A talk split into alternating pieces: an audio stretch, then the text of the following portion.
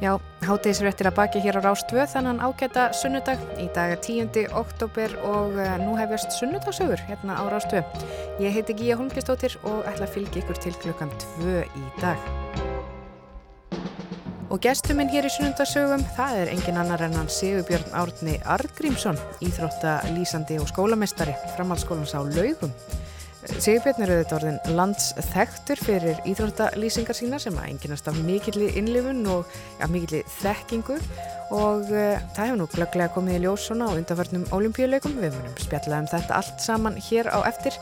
En við ætlum líka að forveitna stoltið um upprunans, uh, hvað hana kemur lífið og tilveruna svona almennt. Og já, hann er líka með söðfíi og hesta hann er að spjalla eins um búskapin og líka einfallega bara að spyrja hvernig hann hafi það í dag. En eh, eins og margir vita þá hefur Sigur Björn eh, glýmt við krabba minn og glýmir við krabba minn.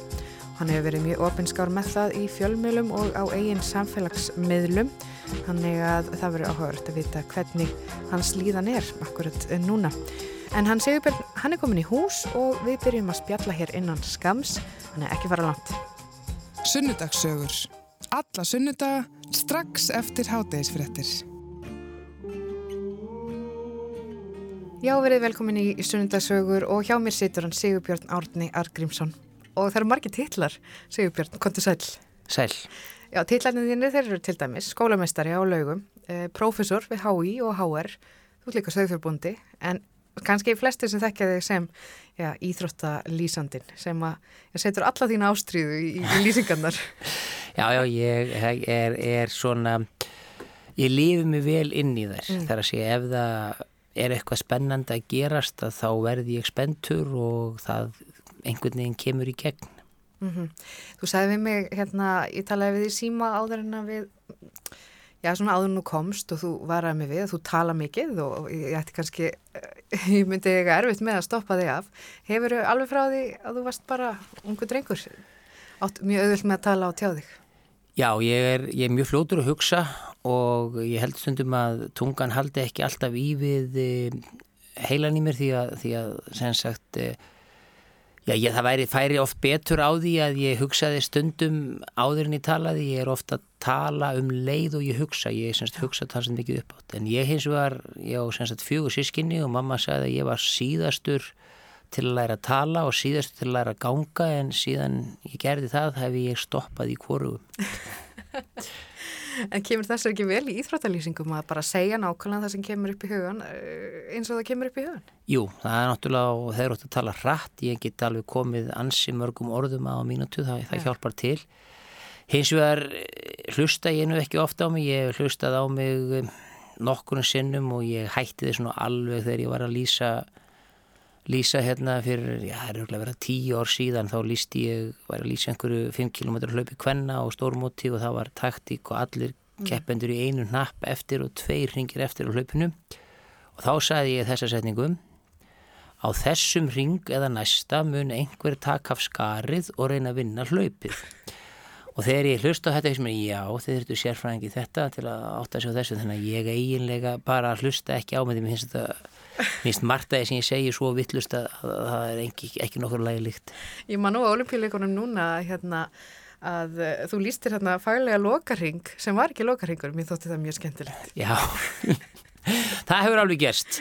E, einu sinni lísti ég vittlur sem manneski allaveg í marka því að, að því að ég var búin að lýsa sænskri mannesku en, en þetta var úkrænsk og sömu fánalittur á búningum og ég hefði vilst á þeim þarna og, og það var það var svona frekar hjákvæmlega já en ég hef einu sinni, ég gerist í með dólumpilikonuna, ég held að hlaupi væri búið þá var heilningur eftir en það skildi ekki hvað þetta var já, rólegt sko. Já, ég man alveg þessu, en þér fyrir gefst þetta nú allt saman, eh, er það ekki svona, fólk er nú ansi jákvæmt gagvart. Þetta er ekki, ekki undibúið per se, þannig að, þannig að maður, ég held að maður fái smá séns. En við skulum aðeins færa okkur eftir í hérna, já, upprunan. Við förum nú alltaf svolítið svona þangað í sunnundasögum, fáum að vita hvaðan fólk kemur. Hvað er þú, já, fættur þú alveg upp? Ég, ég, ég fættist á Sjókurósunu Húsavík en er semst alveg upp í Mývasveit. Fóröldra mínir eh, semst voru kennarar og bændur og semst 1973 haustu sem ég fæðist og flyttið upp í Mývasveit í, og búa í kennaríbúð í Skútstaðaskóla. Það sem núna er e, gígur semst, það sem vatnajökulstjókarur og að 400 metri burtu og næsta bæ áltagerði þar voru amma og afi með bú Já.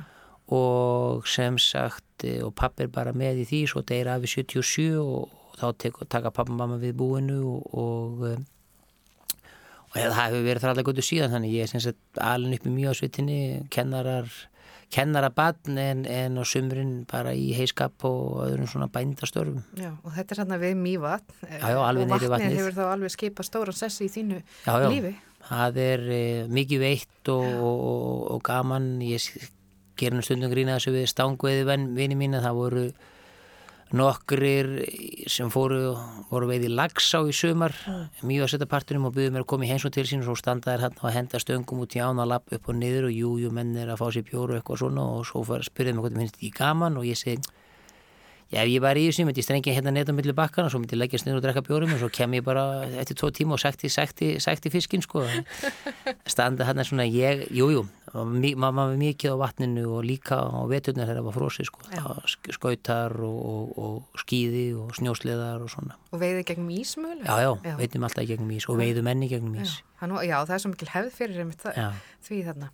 En já, þú varst lengi að læra að lappa og lengi að læra að tala eins og þú uh, sagði þér áðan, en, en hvernig, hvernig myndir þú svona lýsa þér sem uh, barni og krakka? Ég eh, held ég hann verið frekar ör fólk hefur þú sagt við mig sko að ef ég væri semst, ef ég væri í dag þá væri löngabóð greinaði með aði háti og ég segi það er kannski eitthvað háti í mér en það er ekkert aði í mér sko það ég get alveg einbeitt með hvar sem er. En ég var öruglega nokkuð ör og verulega virkur. Ég var alltaf að, að, að eh, gera eitthvað, ég hef aldrei nend að gera ekki neitt. Það er að segja sko, jú ég get alveg slakað á eins og hver annar en, en, en að gera bara ekki neitt það eh, það svona á ekki alveg við mig. Og þegar við Æ, það var plönu hann einhver, einhver sólandaferð fyrir þreymur árin síðan og, og ég skildi ekki alveg sko hálfu mánuður. Það reyndar var ágætt en ég skildi samt ekki alveg svona þegar ég var að fara í þetta hvernig við ætlum að nenni að hanga hann í hálfa mánuð og megninu til að bara rölda hann og liggja við sundlu eða liggja á ströndu eða eitthvað svona sko en þetta slapp nú alveg til. Slapp fyrir hotn. Þetta er nú drauma frí margra en þarna hugsaður, nei, þetta ágættur. Já, ég las náttúrulega mikið af bókum. Já, já, en jú, jú, svo þetta gerði maður fór í einhverja vassinvitagarði eitthvað svona ég, mér leist ekki alveg á að sko, í flest frí sem ég hef farið í þau tengjast einhverju, ég er kannski að fara á ráðstefni í viku og teku viku frí eða eða ég er að lýsa eða ég var að keppa með landsliðum, úlingalandsliðum með æfingabúðum eða einhverju svoleiðist þannig að, þannig að það er ekki mörg frí sem ég hef farið í sem eiga bara að vera frí-frí það er svona markmið og tilgangur. Já, fara, fara þá heimsækja einhverja vini Já, eða Þetta er eitthvað svona keppnismadur, þetta er svona íþrótta hérna í þér. Já, og svona eins og segi, tilgangur ég man einhver tíman þegar að kona mín, það er nú 25 ár síðan allavega þá vildum við að ganga úr kröflunir í Mývasveit og vinkonuna með og svo löpum við svo þeir leitt við, þá var ég 400 metrum undan af því að, af því að sko, þær voru alltaf að stoppa og skoða eitthvað, fyrir Já. mér var þetta bara ok, ég er að labba frá A til B og hversu hrætt get ég farið það sko, veist, það er ég, það er svona, ég er svona aðeins ég aðeins skána en, en, eh, en ég þarf yfirlt ég finn mér yfirlt alltaf eitthvað að gera Ég er með spurningu, sko, hver stemdur þegar þú varst þarna mjög ör? Uh, hverju voru draumandið þínu? Svona, Mér langaði að komast á olimpíuleika já, ég man það, ég ætlaði mér alltaf að verða íþróttakennari og bóndi e, og eins og segi svo, svo þegar ég var eldri þá dætt mér í huga að það væru tvö störf, svona þegar ég var kannski konu úlinsárin, það væru tvö störf sem væri skemmtilegt að gera og annað er að verða að vera skólastur íþróttakennari skólan svo lögavatni og hitt væri að verða landsinsþjálfari í frjálsum. Ég var nú búin að gera hvori tvekja 2010, þá var ég 37 þannig þá hugsaði mér hvort ég hefði kannski sett markið og látt eða hvort maður ætti kannski sittast í helgar stein eða þú veist hvernig það væri. En ég ætlaði alltaf að reyna að geta eitthvað í íþrótum og, og svo hafði ég alltaf áhuga á því að, að sagt, já, kenna og vera og vera bóndi. Já. kennsla á mjög vel við mig. Skólastjórnunum kannski ég er öruglega miklu betri kennari heldur en, heldur en skólastjóri já, veistu, það þau eru kannski aðrir að dæmi um það. Já, já, getur verið sko en ég allavega, mér gekk mjög vel að kenna Já. það var Við setjum hérna í sunnundasögum og gestur minni Sigurbjörn Árni Argrímsson, íþróttarlýsandi skólamestari, profesor, sögfjögböndi, margt, uh, margt sem hægt er að teitla þig. Við ætlum að fara í stutt hlýja og aftur. Þú ert að hlusta á Sunnudagssögur. Alla sunnudaga klukkan 12.40 á Rástvö. Já, við höldum áfram hér í sunnundagsögum. Það er hann Sigurbjörn Árni Argrímsson sem situr hérna hjá mér. Sigurbjörn, þú varst að segja mig frá því að já, þú uh, varst með svona markmið þegar þú varst lítill. Þú ætlaði að fara á olimpíuleika, þú ætlaði að verða, ja, það voru svona margi draumar. Uh, sko, með íþrótaféraliðin, hvernig þróaðist hann? Ég náttúrulega var bara krakki í sveit hérna og var í frjálsum og fótbolta og glímu. Uh, semst glíma mjög mikil hefð fyrir henni mjög sveit og var í þessu svo svona fljóðlega komið ljós að, að ég var öðrum fljóðtær að hlaupa allavega svona lengri vegalengdirnar þannig að, að, að ég var íslumestri 12 ára og svo 14 ára og í 8 aðmyndar hlaupi og var svo komin hann í úlingalandslið 17 ára 1990 já. Og e, fór svo eftir stúdendin á Íþrótastyrk í Bandaríkjónum og, e, og var svo já, síðasta Íslamestættitilin vann ég 2015, þá var ég 42 þannig að, eh, og ég sem sagt náði því að, að eh, verða Íslandsmistari í öllum hlaupavegalandum Karla frá 4400 og upp í hálft marathón og ég á, varði eitthvað rúmlega 40 sinnum Íslandsmistari og, og, eh, og einhver, eða setti allavega einhvern okkur Íslandsmet og eitthvað svona en Eh, fóru eitt heimsmyndstaramót heimsmyndstaramót í viðváðanslöpum en, en samt sko allan tíma sem ég var að þessu þá var ég alltaf að reyna að vera betri og, og mér fannst ég ekkit e, verin eitt sérstaklega góður. Svo var ég að ræða þetta og Óla Stef handbóltamann, hann kom í skólan til mín og við vorum að spjalla saman og, og hann sagði hvað meinar þið varst ekki góður, þú varst, þú varst, þú varst bestur á landin í mjög mörg ár og ég hugsaði með mér, já, senur þetta kannski er þetta rétt, kannski var ég betri heldur mér fannst ég verið þegar ég var að því en ég var mm. samt ekki sko heimsklassa en ég var, ég var meira en hér, á héraðslevel sko, ég var já. alveg klárlega á landslevel En þú varst í, í, í skóla í bandaríkjunum Já. Varst þar að keppa líka já, já. og, og, nöst, þú varst í góðum aðstæðum þar og, með góða þjálfara og hitt og þetta Hvernig var sá tími eða hva, hvernig, hvernig lýsur þú þeim tíma? Sko það var óbúslega gaman að vera í bandaríkjunum Hvað fórst í bandaríkjum? Ég, ég var í Georgíu háskóla, það er svona University of Georgia í, mm. í Aþennu, Georgíu, söður á mótsu Atlanta, það er breytagráðulega séðið Morocco, þannig að það var bara gott veður og hlýtt. Aðstæðan alltaf var betri þar heldur en alltaf til á Íslandi, í sko, bara alveg saman hvað íþjóðagreinu nefndir, stór skóli og svona gallin var að þjálfinu var ekki alveg nógu góð þar að segja Bæði eru bandaríkjum þannig þeir treysta á massan, það fá bara hauga strákum og þjálfa þá alla eins og einhverjir hætta og einhverjir meðast og einhverjir slá í gegn.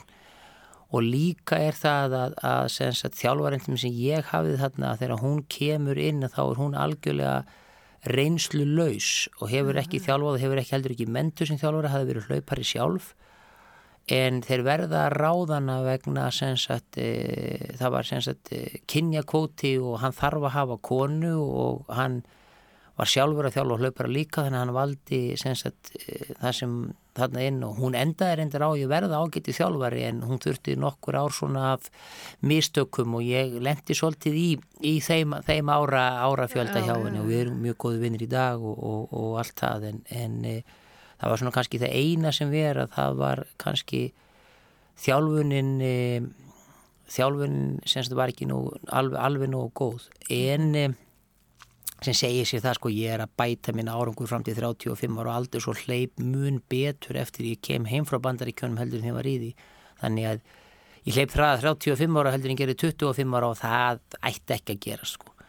En e, skóli náttúrulega var þetta var svolítið sko bandaríkjónu þá voru allir opbáslega hrifnir af nefandi sem spurði og spurði og spurði og ég var, ég var svo nefandi og þetta var bara svona eins og þjálfur hann saði einhvern tíman við mig sko, plus, í, í skóla eru 2 pluss 2 alltaf fjórir í mm. íþróttum er þeir stundum 3 og stundum 5 þeir, þeir eru ekki alltaf fjórir og þetta skóli var bara eitthvað sem var þú bara mættir í skólan, þú bara lærðir heima og tókst bró og, og það fyrstu góða rengunir og, og þú veist þetta skóli var ekki eitthvað sem ég hafði, en sko ég ætla ekki að segja ekki haft lítið fyrir hann, ég ætla að lærði mjög mikið, lærði fimm tíma daga því ég vildi tryggja í kynni allt en, en þetta var allt svona lógist, ég bara mhm. lært og þú, það kom aldrei neitt óvænt og þú bara lagðir á því og uppskarst í íþróttum þá getur þú lagt á þig en það er ekkit vist og uppskeri sko og ég mani bjóð hann með Guðrunu Arnardóttur sem endaði nú 7. olimpíuleikunum 2000 byggum saman og, og nokkur íslendingar saman og, og hún sagði allir að það er auðvilt fyrir mig, mig sem sagt að e, hlaupa á, ég man við vorum með vegg í húsunni hjá okkur sem við hengdum hvert okkar, við vorum fimm leiðum saman og hengdum upp verðlun sem okkur þótti svona merkilegust og ég, og ég hengdi hættu upp einhver bronsvöluna plakta sem ég hafi fengið, það hefði staðið með alveg óbáslega vel og bjargað hlaup í skólun upp um tvö sæti og upp í þriða sæti og eitthvað svona.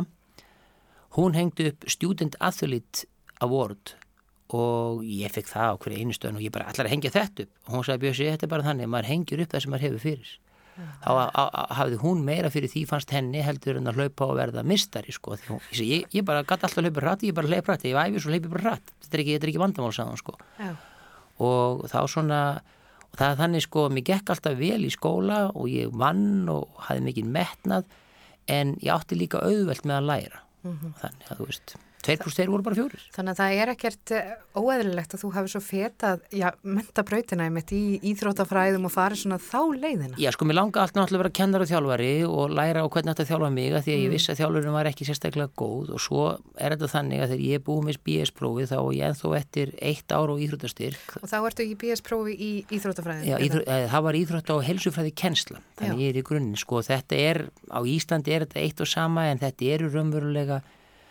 sko, eins og í bandaríkjum þá getur við fengið, getur orðið bara íþrótafræðingur og bara íþróttakennari. En við allavega eins og við gerðum í HÍ og er að gera í HR að þá er þetta semst eitt og sama prófið.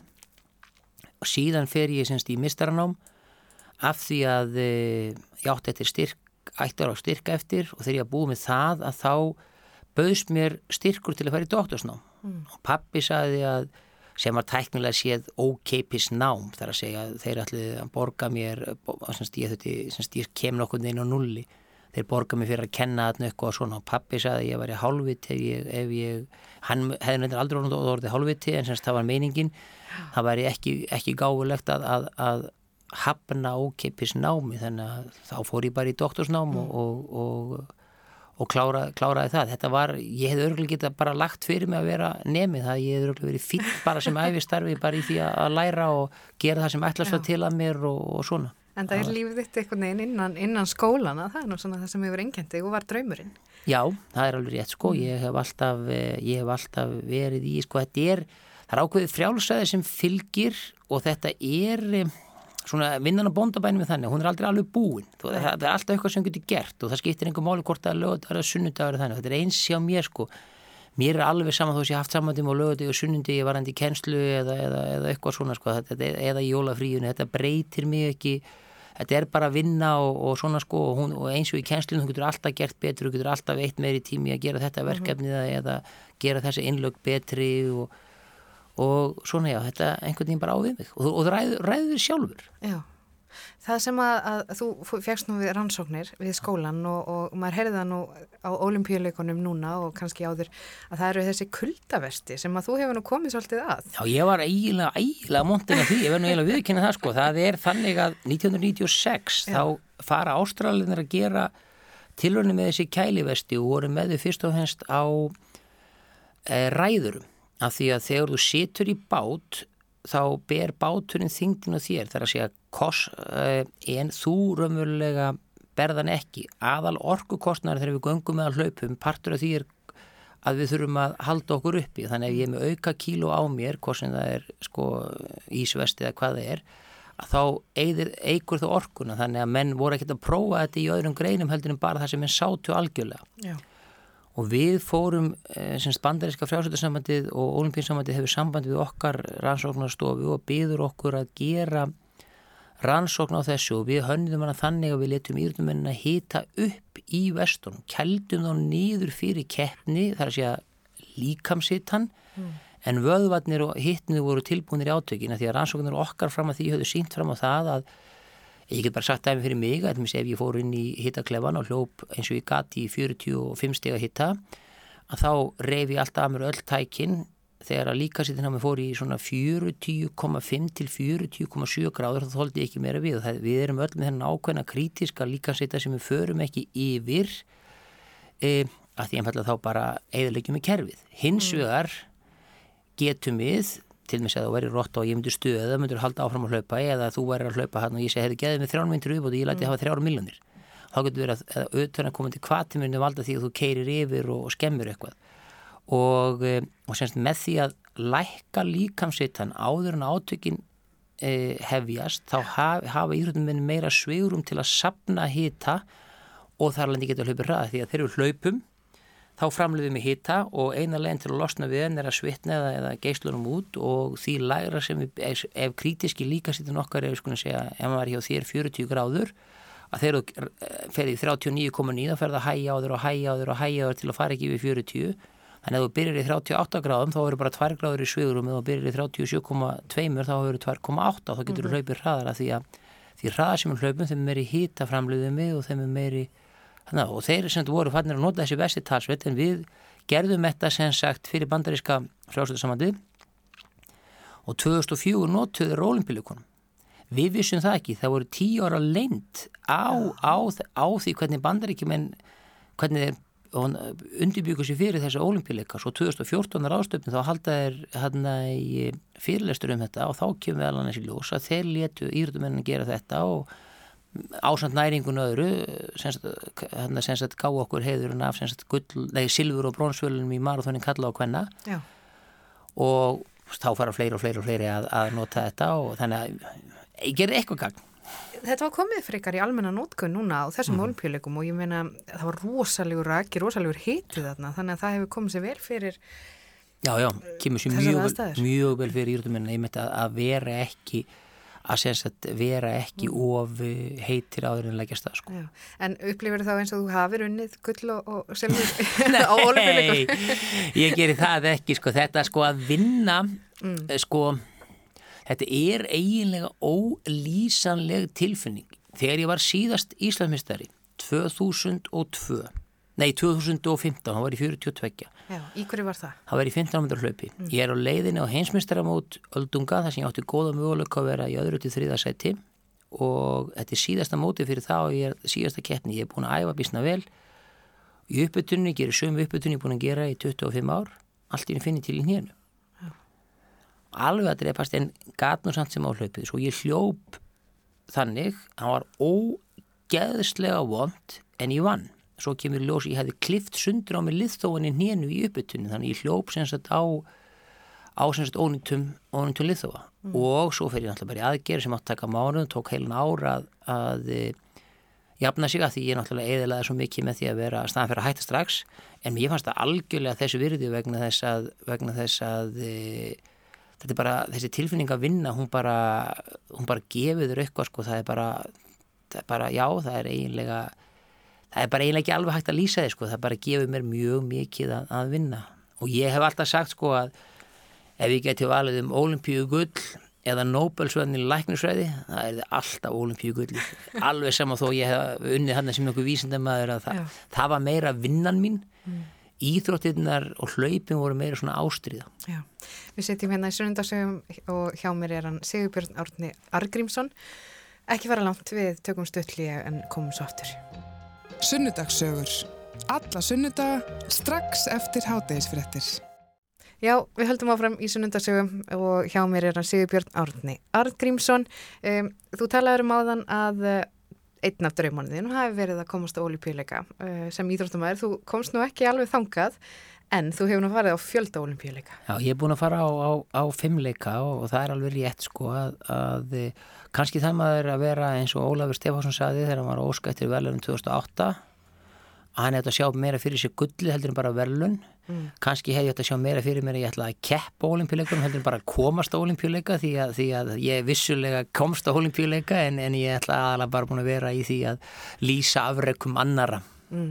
Hver er svona þín starsta stund á olimpíuleikum? Hvað svona hefur setið mest eftir í, í, í minningum? Sko, mér fannst sko, náttúrulega 100 metrarnars Usain Bolts 2008 þegar hann kefur leipum hlýrlöftunum í mark og raunverulega engin vissin hvað hann var góður 800 metrarnir hjá David Rudissa 2012 þegar að, þegar að senst, hann setur heimsmet og hleypur, leiður hlaupur frá upphæðu til enda eða gullið hjá Tóník Williams 2004 í aðþunni, Tóník og ég vorum í sama skóla. Í Georgi, við vorum ég þekkjan mjög vel, vorum vinnir og bara þegar skólafélagið inn og liðsfélagið vinnir olimpíu gull það er bara svona wow. Já.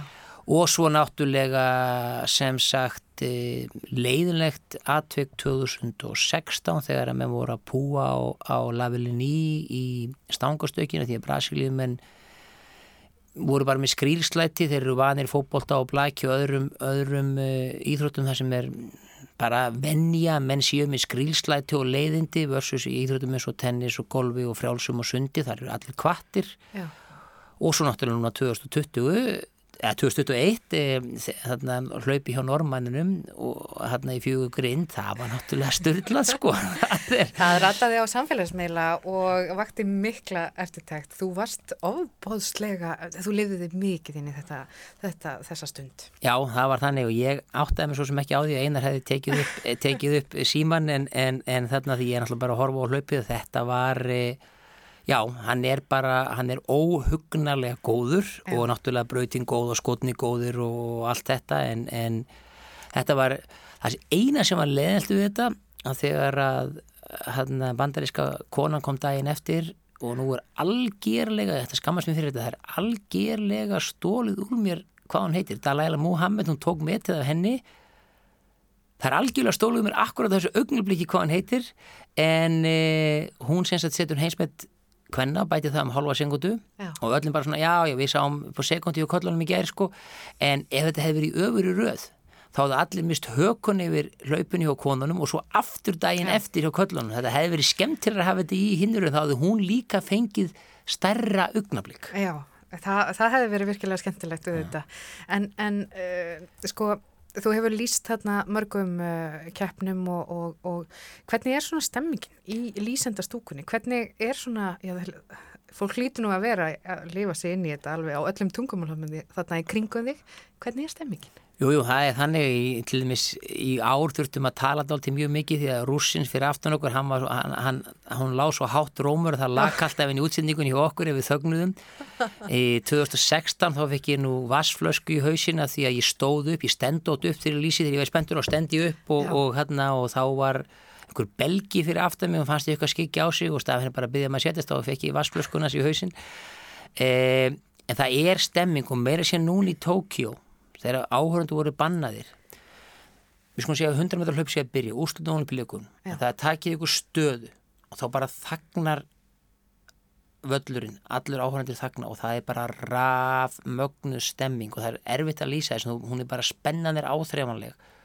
Núna voru engir áhörundir þetta er bara við blaða með nokkur íðrutum en svo kemur takið ykkur stöðu og það er bara sama rafmagna spenna, það er allir sem er að lýsa þarna, þetta eru allt saman áhuga menn og það eru allir orðnir spendir, Já.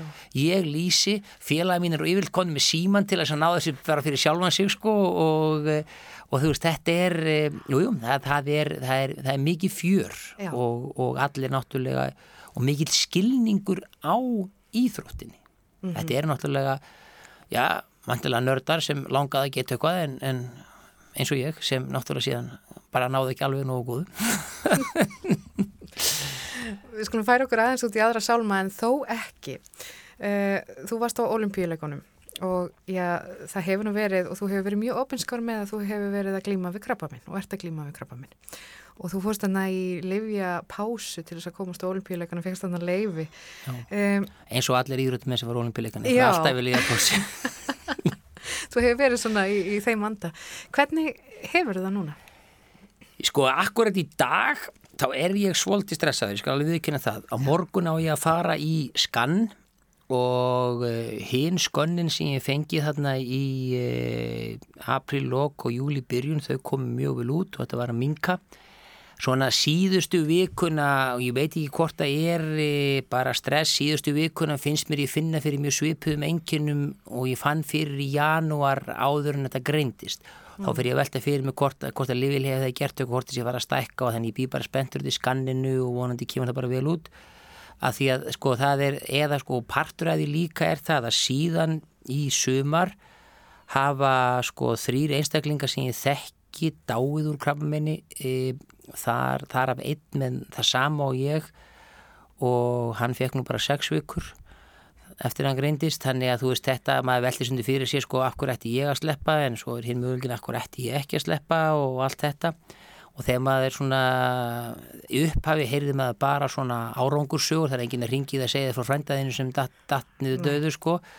Og, og, og svo núna þá er þetta svona, þetta er svolítið nær og læknir var svona búin að vara mig við því að ég myndi taka miklu meir eftir svona en þegar að já, tveir vinimanns hafa farið og svo kona sem ég þekkti ágjörla og er fóröldir nefnda í skólanum hjá mér hún þórum Sveinbjörnar þinkona og þegar, þegar þetta sko, það er svona, þá fyrir maður að velta fyrir sér og, og nú er að stýttast í ég fái nýðurstöðun og þá fyrir ég að velta fyrir mig hvort það sé bara svona fyrirverkin eins og ólíktar konur fá eða hvort ég sé raunverulega eh, sé að fara hvort þetta sé að fara það stað aftur og þá er ég náttúrulega í skítamálum, ekki það ég ég er náttúrulega í skítamálum en, en senst, þá er ég meiri skítamálum heldur en ég er núna. En vonandi verður þetta bara allt á sömu bókina og það kemur Facebook færsla hjá mér á þriðjudaginn þegar ég verð búin að tala við læknin hitti læknin á þriðudagin þannig að það kemur aldrei fyrir á þriðudagin og ég mun að láta allavega ef eitthvað er að fara í verri áttina á munin og tala við kannski krakkana og fjölskyldina á þeir en ég setja á Facebook en það kemur á Facebook. Þetta var ágætt með Facebookina ég, ég er ekki mikið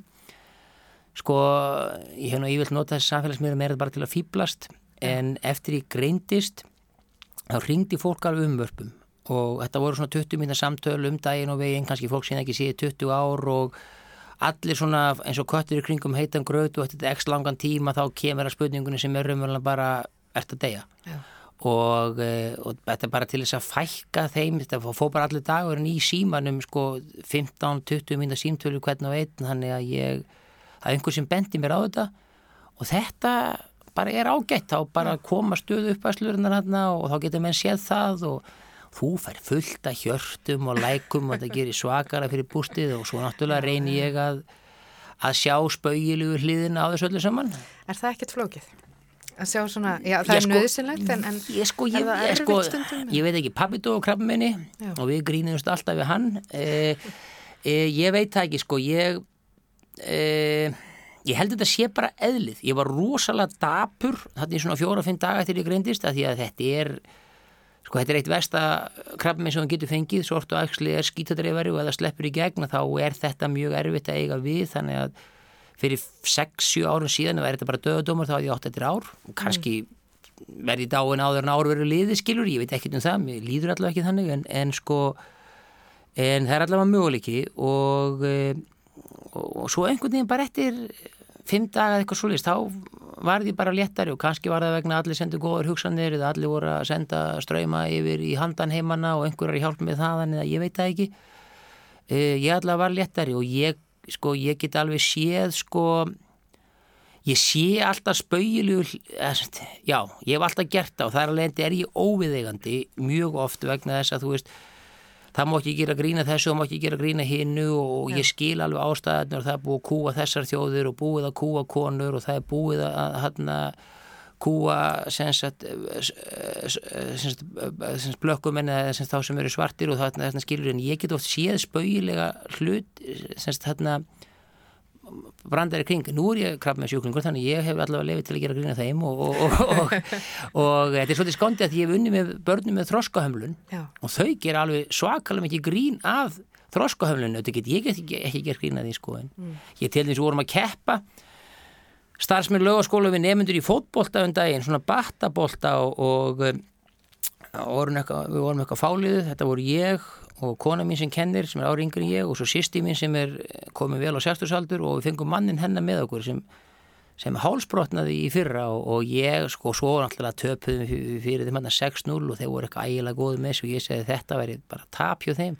Þetta veri allt saman ungi menn með sem sagt hann að sem var á mála hjá einhverjum liðum búið að hálfa aðtunum en eiginlega Já Við vorum hérna tvær kellingar og batnegn, krabbmessjúklingur og hálsbrotin einstaklingur, allt meðalaldri við 50, eða að vinna ekki 10-0 er náttúrulega bara, er bara tapskilur. Þannig að, jújú, þetta verðum að reyna að sjá, sko það hjálpa mér ekkert að leggjast niður og væla. Nei. Það gerir það ekki hins vegar að ef ég fæ slæma skoðun á morgun, að þá verð ég potti dapur það, það, það held ég eh, þarna mun ekkert eh, það mun ekkert eh, já það, það kemur ekkert í veg fyrir það en hins vegar ég get öruglega séð spauðilega, ég get öruglega séð spauðilega hliðaði degja sko. Ég, ég er bara, er eiginlega vissum það sko. Mm. en Finnst þér, finnst þér döðin vera tabu? Sko, ég, eða hefur, Já, hefur, sko, hefur svona lendur í vandræðum í, í samtölum við fólk eða, eða svona, þetta eru þetta svolítið flókið, döið. það, það er þá, og þetta er mismunandi og fólkum er mismunandi bakun, ég get verið að grínast við því, ég mann til dæmis það að og þú veist, eftir ég sagði, ég get sér spögil hérna öllu, ég sagði einu sinni í bandaríkjónum gýðingabrandara mm. sem bara við segjum á Ísland og hlægjum að og í bandaríkjónum við vinum við stendur og segja Bjössi, minnst ekki fyndið, að og amma mín lifði af helfuruna, þú hefur hitt þau, þið getið beðið um að sína þið tattu en ég baðs bara afsökunnar því þetta er náttúrulega óviðandi brandari þarna því hann er með þessa reyn, reynslu og þessna, þú veist, og öruglega óviðandi brandari allstaðar en ég get samt séð sko eina leiðin til að lifa af í svona er að sjá held í spauðlu hliðina því að þú veist, minna, hvað á ég að gera? Líkunar á, líkunar á að ég verði gamal maður eru bara mjög, mjög litlar. Þegar fólk segir við mig á, þú er krabbmenn, ég veit ekki hvernig það hitti hann og ég þekki enga með mér að kefniskap og þú ert hann og eitthvað svona sko og þú ert svo jákvæður, ég finna Jó, við vinnum við sem dói sumar, hann var ekkit neikvæður hann var óöpinn og, og það er þetta skilur þú veist, já þú, þú átti þetta að sigrast á þessu, ég held að fólk gerir sér grein fyrir því að líkunar á því ég sigrist á þessu eru nánast engar þetta er bara spurning um hvað ég lifi lengi en það er auðvitað möguleik ég sigrist á þessu. Mm. og ég nenni ekkert útskýra það fyrir fólki en, en, en nei, döðir, hann sko ég var spurður einhvern viðtali hvort ég ótaðist döðan og ég bara, ég bara ekki pældi í því. Ertu búin að pældi í því síðan og fegst þessa spurningu? Ég, ég pældi í bara á staðnum, ég segi nei, ég held ég, sko, ég held ég óttist ekki það að deyja Nei. það verður leðilt fyrir, vonandi leðilt fyrir þá sem eftirlifa, ég ætla að vona ekki líf ykkar verður verra fyrir vikið en, en, en, þarna, en sem sagt e, mér langar það ekki.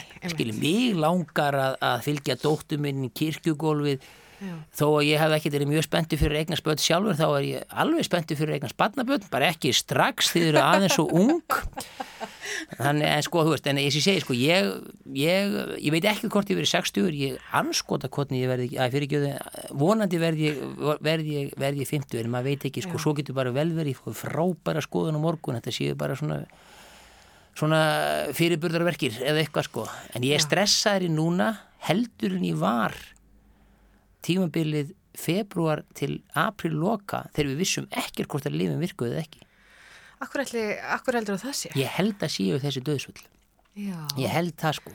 Og svo heyrim að líka sögu ein vinkona mín sem sem búin að berjast við krabbamein fekk skoðun í mars og e, bara hrein bara búin að sérast á krabbaminu og svo er hann alltaf svo slæm eitthvað í júni og þá fer hann aftur í skoður og þá er þetta búin að dreifast út með um alla líkama og það var, hún var alveg hrein í mars sko þannig að þó að þetta sé alltaf ganga velhjóðir þó alltaf ekki gengið velhjóðir þá getur vel verið þetta að taka einhvern tíman uppeyju eða bara beigja eitthvað út í móa og eitthvað svona. Og vandamáli við það er það að jú þá prófaður einhver andur liv en livin sem ég er á í dag eru katilakin Þú ég, ert á þessum líftækni livjum sem að eru kosti ykkur morfjór ég er alveg, ég er að taka út úr helbriðskerfni eins og enginn sem morgundagri er að hálfsmánaða frestu það að fara öruglega einhverja miljónir inn í líkamannumir e, og, og svoleiði sko en þetta er eins og sé, þetta er að þú þurft ekki að fara í geysla meðferð Ekki þurft, allavega ennþá. Ekki ennþá, nei. Og þetta þýðir það að ég bara þingist og mm. ég er eins og svín og, og, og hérna og raunverulega eru engar aukaverkanir þannig nema svona, ég, ég fikk eirðnabólgu Það, já, já það er svona alls konar, svona, alls konar svona bólgur. Ég var eitthvað svona, já, og svo fyrir til hálsnum eirðnabólgsins að segja, þegar þú bara svona eirðnabólgan svo bann, þetta er reynda velna bannasútumur og hann sagði gerðu þetta og verður vonandi lægt í þrjárvíkur og ég segi að það verður ekki lægi hvað þá? Já þá færður bara rör. Og það er mjög það rosalega fyndið. En það lagaði sem sagt. Og ég sem sagt hann að já að, að eirna að sem sagt hann að það geta þess að geta fyllt. Ég get fengið lífrabólgur, lúnabólgur, mm. hjartabólgur alls konar bólgur og, og svo er ég að bara svo þreytur alltaf. Þessi já. liv gera mig svo þreglu sko. Ég í þessum fókbalta ég ég var bara sprungin í fimm og svo feikaði maður setni fimm sko en, en, en, en En, en sko já, ég er sko, þú veist, ef ég fer að móka skít eða gera við gerðingu meirinn fjóra tíma þá já. er ég bara í bakki nokkra daga sko, já, já, meðan ég var bara vanur að vinna já, tólf tíma á dag. Þess vegna ég þyrti og, og, og svoleiðis og ekkert mál, þó ég sé pínu lítill og og þá er ég bísna sterkur og, gat, og bísna vinna sem maður gæti unni, unni bísna vel en, en nún er ég bara þú veist eins og ég er svolítið sko, ég sagði þetta aftur hún að smala, ég er jafnbjúr og hesti og hlaupandi, mm. þú veist ég gæti að skipti með engum volið hvort ég var á hesti eða hlaupandi en núna Þá velurðu ég alltaf hestin maður, Já. ég bara, þú veist ég, ég, það, sem, það sem þetta krabba minn hefur gert mér. Já. það er búið að festa mig í líkama miðaldra manns.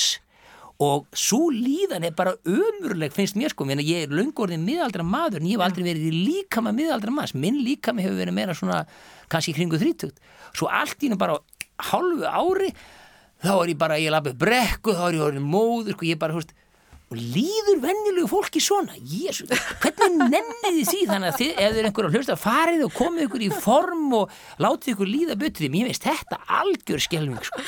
Við sitjum hérna saman í sunnundarsögum. Það er hann Sigur Björn Árni Argrímsson sem er viðmælandi minn. Ekki fara langt við tökum stulli og komum svo aftur. Sunnudagssögur. Alla sunnudaga frá 12.40 til 2. Sunnundarsögur halda áfram hér á Rástöð þar hann Sigur Björn Árni Argrímsson sem að situr hérna hjá mér. Uh, við erum búin að ræða krabbaminnið og uh, þú ert ekkert feimin við það. Nei, nei, Þú þetta bara, er bara tekur einn dag í einu og... Já, já, já, nei, ég plana Nei. nú, ég var að setja ég var að setja 23 gimbrar á sem eru allt og margar þannig að, þannig að ég seti og með pappa líka sko þegar hann var degi og sínu krabbi minni þá var hann þá var hann að, hann að halda bestu meirinni sinni einni, ein, já, bara einni bestu meirin á landinu fyrstu vel að meiri 873, 83 í aðalenguna Já, sem á þeim teima hefur verið mjög Já, mikið. var bara, þetta var bara tveimur árum Já, já, já, já. og, já. og nei, tveimur, það var í já, þetta var fyrir tveimur árum, allavega, allavega og ég sagði við hann, sko, hvað standi þessu, þú eru kannski dáin áður en eins og fólandi fæðist. Það sem aður er að plana fyrir framtíðina sko, þetta er eins þannig að, þannig að e, Það er nú gott að kom- kemur inn á þetta, mér langar að ræða við þig um, þú ert bóndi uh, í bara hjartanu hefur alltaf verið bóndi. Og dalin upp þarna við vatnið, mývatn, þar sem þú býrð núna, ert með kindur, hesta, já, hvernig er svona að vera bóndi? það, mér finnst það náttúrulega frábært. Það er náttúrulega ekkert sem slakar mér meira heldur en þegar ég er búin að gefa á garðan allar og rollunar þegar kemur í fjóru sinni þá öskraðar þegar allar svangar kalla á matinn og allt þetta sko, svo gefur á garðan þagnar allt, þú leggst upp í garðan og heyrir þetta, leggst bara og, og lokkar augunum og þær sem sagt er að borða allstæðir kringu þig alveg döða þögn og veru leiti það er sko heilun, það er afslöpun sko. Og e, það er þannig. En við sem sagt e, pappi var og mamma voru með þetta og við bræður og kona mín erum að ákvaðum þegar pappi dó það er 2021 núna, pappi dó 2020 ákvaðum að taka við þessu. Og ég verði með einhverstaðar já, 94-5 vetrafóraðar í vetur og, og 35 hross cirka, ég er ekki alltaf alveg með hrossatöluna því að það fæðast fólöld og, og, og, og svona. Og við erum með hestalegu líka á sumrin og já já frá februar og fram í oktober langt sumar í mjögasettinni, alltaf gott við erum í mjögasettinni en, e, og við semst hefum verið við, við erum, erum, erum saman í þessu og, eignuðum svona ég, eða við eignuðust ofbáslega mikið af góðum lömbum í haust þannig að ég setti miklu fleiri áheldur en ég ætlaði mér Já, hefur þetta ekki verið gott sumar með tverir, Jú, ég minna, bara sólinn hefur verið hérna og, og, og spr- sprettan góð Já. og, og fyrir kemur vel að fjalli. Þetta var alveg frábært hjá okkur allavega og, og, eigum nóg hei og þannig að það er allt í, allt í lukkunar, lukkunar velstandi. Svolítið skemmtileg þessi lýsing þín, þú leggst þarna í garðan og kindurnar eru að- jórtra þarna, svo þetta geta við hliðin á þér uh, og þú heyrir svona að það er bara þögg sem ríkir. Hvað annað er svona fyrir þig út? Þú ert nú, já, þú slakar ekki mikið á, þú segir það svolítið, þú ert svolítið ör, en hvað, hvað er það fleira sem að færði til þess Sko, að algjörlega gleyma stund og starf? Sko það er alltaf ég fyrir út að hlaupa. Það sem ég hefur nefndir ekki gert síðan, nema einu sinni síðan ég fekk krabbi minnið að því að þeir vilja frekar ég labbi en sérst, þú, sko, þegar ég var í háskólanum sérstaklega, þá fer ég mikið út að hlaupa sem ég var alltaf að æfa en sko þetta, þetta reynsar svo hugan og oft þegar ég var í vand og var kannski að vinna einhverju, einhverju vísinda annarskonum þá kom ég inn og þá var ég komið með lausnina. Þetta reynsar hugan óbúslega vel og ég hugsa óbúslega vel, ég er aldrei með tónlist í eironum Nei. og þetta, þetta hjálpa þetta, það hjálpa mér, hjálpa mér líka sko, en það sem, það sem er sérstaklega gaman við kindurnar er það hlutinni gera svo hratt sko í, í hrossunum sem ég hef mjög gaman að líka á og gaman að ríða á góðum hestum og allt það að sko fólald sem fæðist, þú veist ekki fyrir þetta í fjögur til sex ár. Þú, það getur verið flottar hreyfingar í því en það getur verið snar snældu vittlust í haustnum og þú verður bara að loa því skiluru Já. en það sem ég geri sko núna set ég lömb á.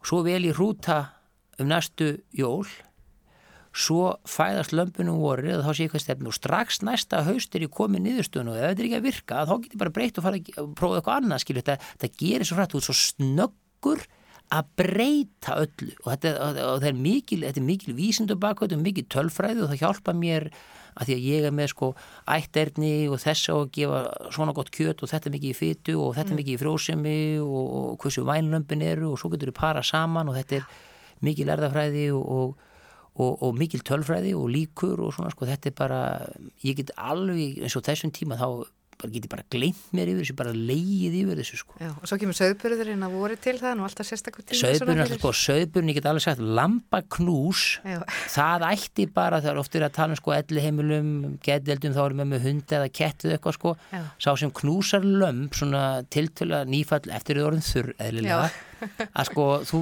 bara, þú verður ekkit í vondu skapi eða neitt svolítið, sko, það er bara lampaknús sko, kemur öllu í lag sko, þetta er lömpur er bara indíslega sko. Svo ertu skólamistari Og það ertu nú líka með svona dágóða hjörð. Já, það er... Skólamestari hérna á, á laugum sem er heimavistaskóli. Já. Hvernig er að vera yfir heimavistaskóla? Það er náttúrulega öðru vísi. Þegar ég er með 95 og heimavist, svona 105 til 10 skólanum alls. Þetta er nú svolítið eins og vera með söðbur, sko. Þú ert alltaf á, á einhverju bakvakt. Það tekur Já. tíma en svo þú setur reglurnar og svo smán saman lærir hjörðin að ganga í takt. Þetta var svona þegar ég kom hann fyrst þá var þetta svolítið losaralegt og ég lísti svolítið við það. Ég, eins og ég var að herða bara að lausa plötu. Ég tók eitt ring á skrúin og hverju hodni ja. hvert einasta ár og eftir svona þrjú ár þá var platan orðin först krakkar vilja ramma, þau vilja vita hvað reglu gilda og, þau, og bara halda, halda sér yfirlt inn þau gengið ofbóðslega vel hjá okkur en það gengur vel af því að ég er vakandi og sofandi yfir og ef það er eitthvað vesinn þá læti ég kalla mig út. Já. og um, þau vita það alveg, ég er ekkert kátur ef ég kalla það út á nætunar og svona sko þannig að þau vita hvað til síns friðar heyrir og, og þetta hefur gengið þokkalega vel. En þú verður að vera vakandi yfir þessu og þú verður sko fóldrænlega að ég er að fá krakka allstar af að landinu, þrýðungurinn að þessu kemur á höfbrukarsvæðinu og suðunisjónum þannig að þú fóldrænlega verða að fá þó tilfinningu að þér sé treystandi, að krakkin sé í góðum höndum og það, gerir, það, það, það gerist ekki nefnum úr sinnir samskiptunum með fólkdunum og þú takir öll mál af alvarleika semst, alvarleika semst, ta, ta, semst, ég er ekki að meina að ég sé góð alvarlegur, ég er örgulega eitt mest líbú skólamestari held ég því ég er alltaf að fýblast með krökkunum og leika við og sko en það, þau veitir samt sem er alveg sko að það sem ég segi stendur, mm. reglurnar gilda það er ekkit sko, þessi regla gildi fyrir þig og eitthvað annað og það, þá, þá skapar þau tröst og fólk treysti til að senda krakkana í skólan til og þetta gengur ofbáslega vel hjá okkur, ég er Já. rosalega stoltur af því Já, og þetta er skemmtilegt skemmtileg starf.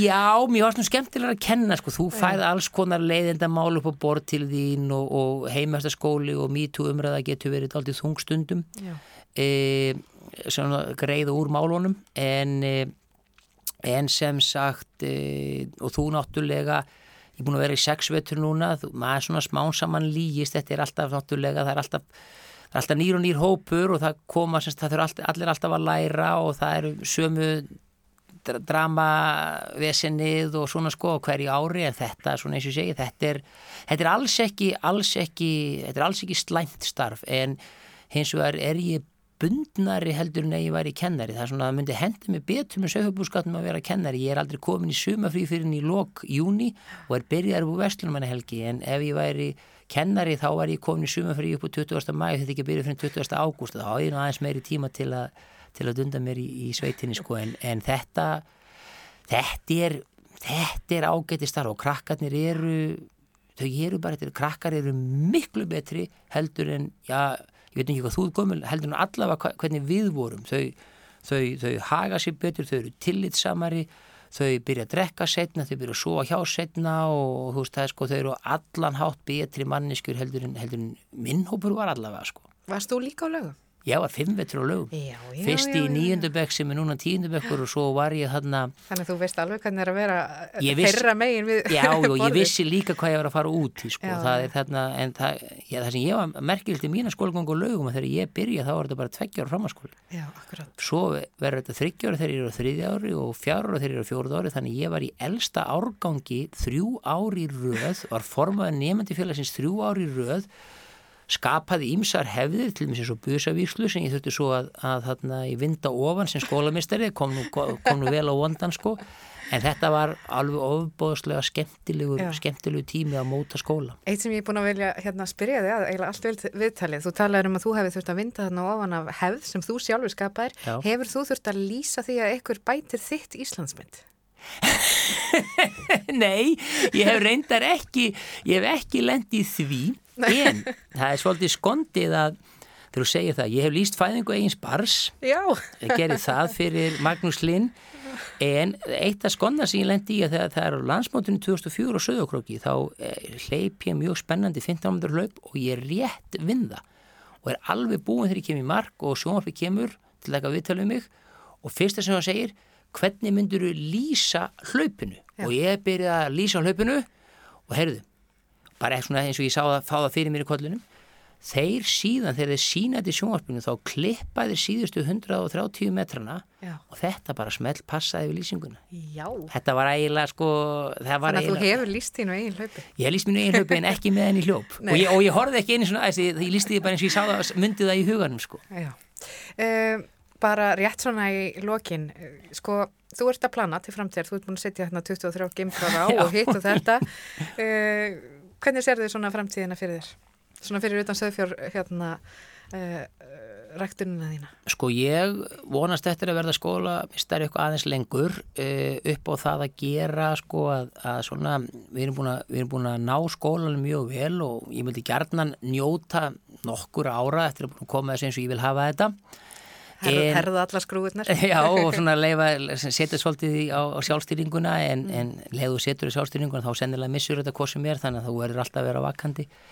En svo sé ég nú eiginlega fyrir mér að, að já færa mig upp í mývasveit það sem búið er og, og jafnvel sko jafnvel fara, fara í einhvers konar kennslu, jafnvel í grunnskóla eða framhanskóla, það myndi hendi mig mjög vel að vera allir íðurðakennar á lögum eða hreinlega eins og hefur verið talastundum um að, að vera í 50% starfi einhverstaðar í háskóla og þá get ég sensat, það er ímislegt sem ég get, get gert, það er svona en ekki það sko, ég er svo sem búin að búa ágætli í hægin ég hef aldrei keift neitt þannig að við erum búin að sapna peningur frá því við byrjum að vinna þannig að þannig að kannski get ég bara farið að sinna hobbyónum fyrr og ég er að vonast til þess að geta sko ef allt ef allt gengur og skum og ég læknast að krabba minnu og allt þetta og eða, eða bara ég lifið með krabba minnu, ég bara held áfram að lifa að þá eh, eða ég lifi áfram, ég segjum oft þetta skiljur ef ég lifi áfram að þá